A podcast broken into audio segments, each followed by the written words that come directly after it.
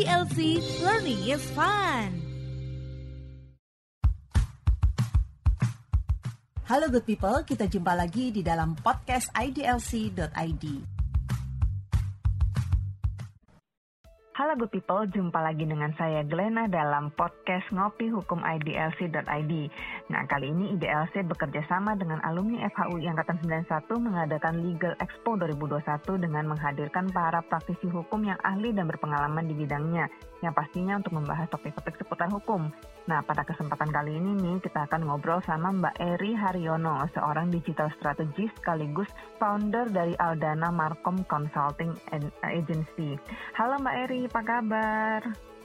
Halo Glenna, apa kabar juga? Alhamdulillah kabar baik. Baik, baik, baik. Waduh, nih akhirnya punya kesempatan ngobrol sama Mbak Eri. Waduh, nih kalau aku ngeliat backgroundnya Mbak Iya. Eri nih ya, seorang eh, ini ya apa namanya digital strategist. Waduh, kayaknya sekarang itu apa-apa semua kita harus eh, merambah ke dunia digital. Nah, apalagi kalau Iya, misalnya betul. kayak dulu setahu aku nih ya kita kalau eh, namanya yang namanya kita di bidang hukum nih ya kita bisa promosi Mhm. kalau kita ketemu klien kita ketemu teman kita Mhm. ketemu orang baru kita bisa ngobrol Mhm. nah sekarang kita kagak boleh ketemuan tuh mbak jadi terpaksa kita kan mau nggak mau harus merambah ke dunia digital gimana caranya eh, Iya. kita bisa menciptakan sebuah konten digital yang akhirnya eh, men- menyampaikan pesan kita yang eh, ingin kita sampaikan gitu kan nah ini Mhm. eh, aku pengen eh, pengen ngebahas nih kenapa sih saat ini eh, bisnis jasa hukum kayak contohnya law firm law firm Mhm. gitu walaupun yang kecil Mhm. medium atau yang besar mm, kayaknya udah wajib banget ya masuk ke dunia digital nah dan bangun eh, Iya, online betul. branding yang kuat nah itu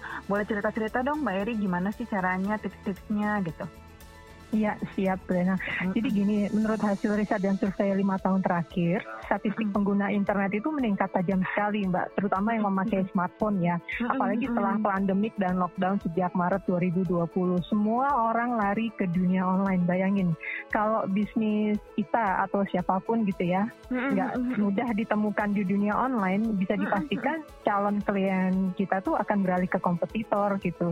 Apalagi terutama untuk pelaku usaha yang punya bisnis ya. Eksistensi di dunia online saat ini statusnya udah menjadi must to have, bukan lagi nice to have lagi. Karena semua orang sekarang apa-apa selalu mencari info terlebih dahulu di internet sebagai referensi utama, Mbak. Walaupun Iya, mereka sudah dapat rekomendasi dari orang dekatnya. Seperti itu, Mbak.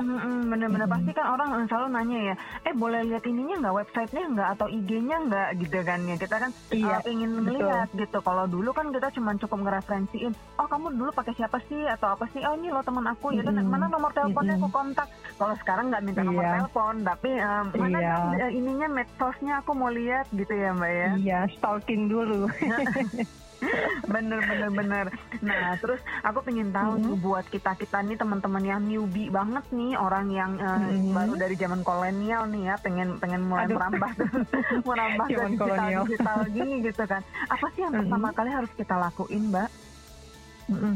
Jadi eh, pertama kali itu yang penting banget dilakukan adalah market research. Nah ini Mhm. jarang sekali dilakukan oleh teman-teman pelaku usaha. Kenapa market research ini penting?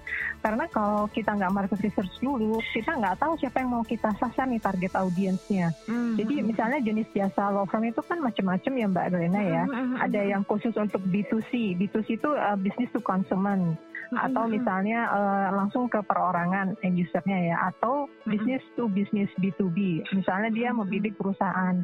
Karena ada law firm law firm yang misalnya uh, menangani masalah waris, masalah cerai, dia kan pasti larinya ke langsung ke klien-klien persorangan ya Mbak ya. Berarti betul. dia masuknya B2C. Nah, Mhm. kalau B2B berarti menyasarnya misalnya masalah kontrak legal, bangun PT atau masalah PMA. Nah, itu dia menyasarnya pasti perusahaan dan itu sebaiknya eh, ada trik-triknya atau caranya sendiri untuk digital marketingnya.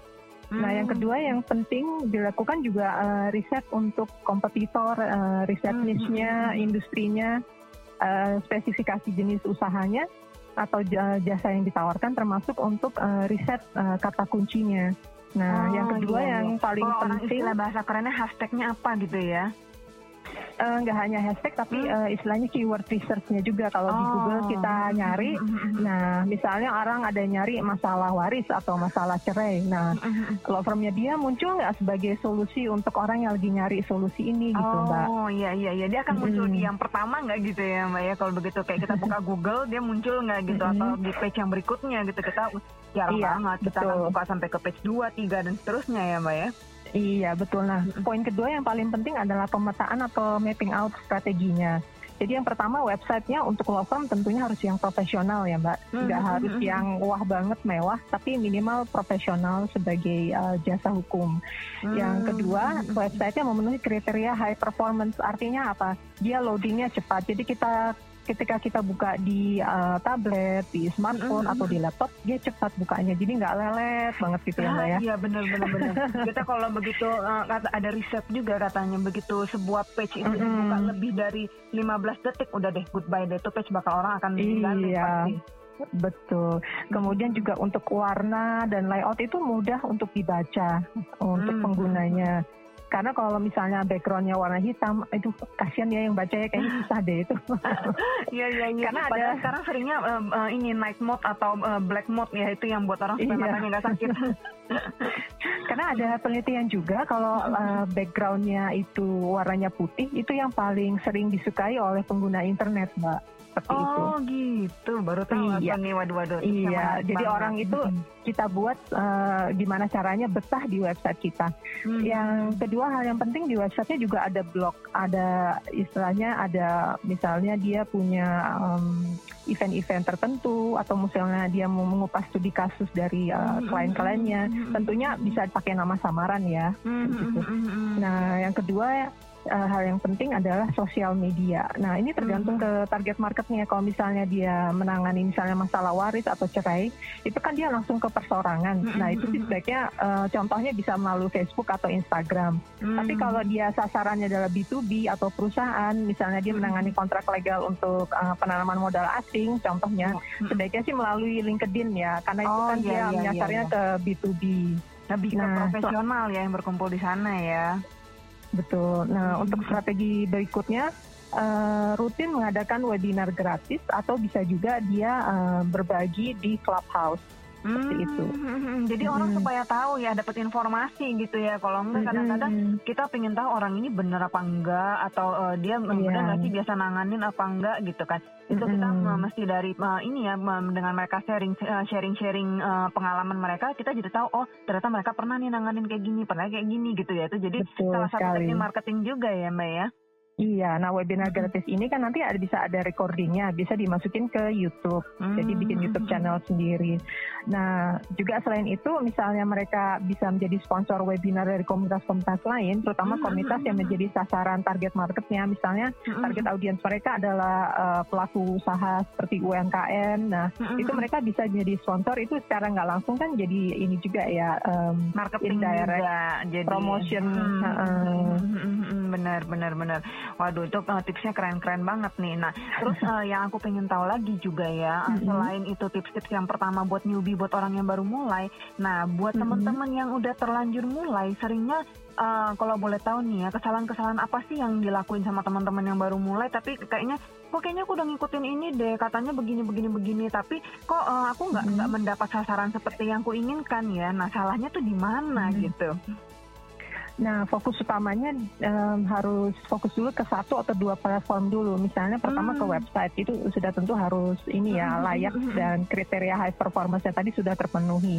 Terus hmm. yang kedua sosial media mana yang mau dipakai uh, wajib satu dulu supaya dia nggak bingung gitu Mbak Glena. Oh. Karena apa? Jadi nggak bisa langsung maunya semuanya ya. Padahal kita pengennya, ih di situ hmm. ada di sini, ada di sini, ada di sini. Udah, gue semuanya gue masuk pokoknya. Yang penting di mana-mana ada gue gitu. Itu ternyata nggak kayak gitu juga ya berarti ya? Boleh boleh, boleh nggak hmm? masalah mau hmm? semuanya selama dia punya tenaga, waktu dan dana untuk melakukan semuanya uh, eksistensi di berbagai platform sosial media tadi. Hmm. Tapi kalau dia tenaganya terbatas, dananya terbatas, waktunya juga nggak ada, jadi terbengkalai orang jadi bingung ini orang ada atau enggak ya lovernya iya, masih ada gitu atau ya. enggak ya? Iya iya iya iya benar-benar karena masing-masing sosial media itu treatmentnya beda-beda ya mbak ya. Mm, betul dan punya style atau metodenya juga pendekatannya beda-beda. Nah hmm. kemudian poin selanjutnya yang paling penting kesalahan yang sering dilakukan adalah masalah gaya bahasa. Jadi oh. selalu tempatkan diri kita itu ke pemikirannya si target audiens kita yang mau kita sasar. Hmm. Kebanyakan nih um, jujur aja kalau gaya bahasa untuk hmm. orang hukum kayaknya kaku banget ya. Iya iya iya. Nah itu benar benar benar. Kalau bisa bahasanya harus populer yang bisa uh, mengena sampai orang itu yang baca yang si target audiens atau target marketnya bilang ih ini gue banget nih ini masalah gue nih gue mesti ngubungin uh, law firm ini nih dia kayaknya bisa nih bantu nyelesain masalah gue seperti itu mbak. Hmm iya iya iya kita harus membuat uh, audiens kita merasa relate dulu ya kadang-kadang kita mm -hmm. menempatkan diri di posisi kita sendiri nggak menempatkan di posisi mm -hmm. audiens ya jadi mereka nggak merasa relate sama apa yang ini kita sampaikan gitu ya Mbak ya. Betul, makanya kembali lagi tadi ke market research, penting banget kita riset tentang target audiens kita, gimana gaya bahasa mereka, terus eh, pertanyaan-pertanyaan apa yang paling mereka uh, sering tanyakan di internet atau masalah apa mereka yang ingin selesaikan. Jadi kita data semua itu Mbak. Hmm, oke okay, oke okay, menarik. Jadi kuncinya hmm. adalah selalu uh, research market sama target kita dulu ya apa. Setelah iya, kita menentukan target kita, baru bisa kita hmm. uh, berpikir nih kita gimana cara treatnya mereka yang supaya mereka bisa relate gitu ya mbak ya. Iya. Kita nggak bisa sekali. mau mengejar semuanya gitu karena pasti kalau kita ngejar semuanya ya caranya beda-beda. Usia yang iya. sekian iya. sampai kesekian cara gaya bahasanya beda sama usia yang misalnya um, hmm. yang lain lagi gitu kayak anak iya, ABG nggak bisa ngomong dengan gaya bahasa kita dengan yang uh, udah di usia yang uh, produktif atau usia yang uh, ini standar yang udah orang mulai masuk dunia profesional berbeda ya cara iya. cara, cara penyampaiannya ya mbak ya hmm. nah terus yang terakhir nih pertanyaan aku hmm. satu lagi adalah uh, gimana caranya kita bisa memilih sosial media mana yang ingin kita gunakan terlebih dahulu nah jadi pada saat kita mau mulai hmm. nih kita sebaiknya hmm. milih yang mana nih? Kalau tadi kata Mbak kan uh, coba fokus dulu lah satu atau dua gitu kan. Nah, iya, antara sekian banyak kita pilih yang mana nih gitu. nah, kembali lagi tadi ke riset uh, apa riset marketnya ya atau market researchnya ya. Kalau target audiensnya udah jelas, misalnya B2C, uh, dia hanya menangani masalah waris atau cerai, uh, gunakan seperti Facebook atau Instagram karena kan uh, banyak kan uh, orang uh, bermain di situ ya. Kalau untuk level perseorangan atau personal. Nah, kalau target audiensnya atau target marketnya adalah B2B atau perusahaan karena dia jasa yang ditawarkan adalah menangani legal kontrak untuk perusahaan-perusahaan besar atau seperti PMA, sebaiknya fokus di LinkedIn.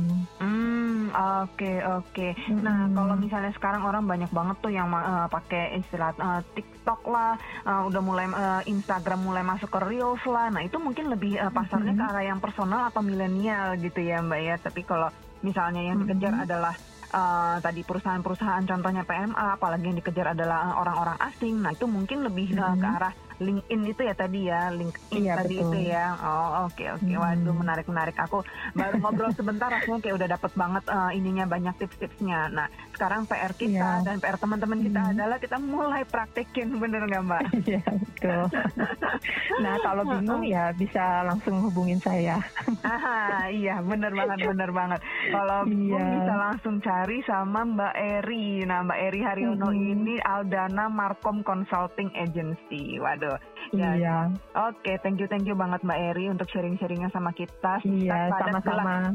Waduh. Semoga bermanfaat ya sangat buat bermanfaat, sangat bermanfaat hmm. karena dari kita mau berkembang sampai uh, kita bisa berjalan uh, berapa kilometer itu kan dimulai dari langkah pertama ya Mbak ya. Nah, iya, betul. Fondasinya harus kuat. Betul tips yang penting mm -hmm. untuk langkah pertama kita. Kita harus mulai dulu praktekin mm -hmm. yang langkah pertama ini. Waduh, makasih Mbak Eri untuk sharing-sharingnya. Sama-sama. Terima kasih sudah mengundang saya. Waduh, sama-sama Mbak Eri. Sampai jumpa teman-teman iya. dalam topik-topik menarik lainnya. Sampai jumpa Mbak Eri. Sampai jumpa Lena. Sampai jumpa semua.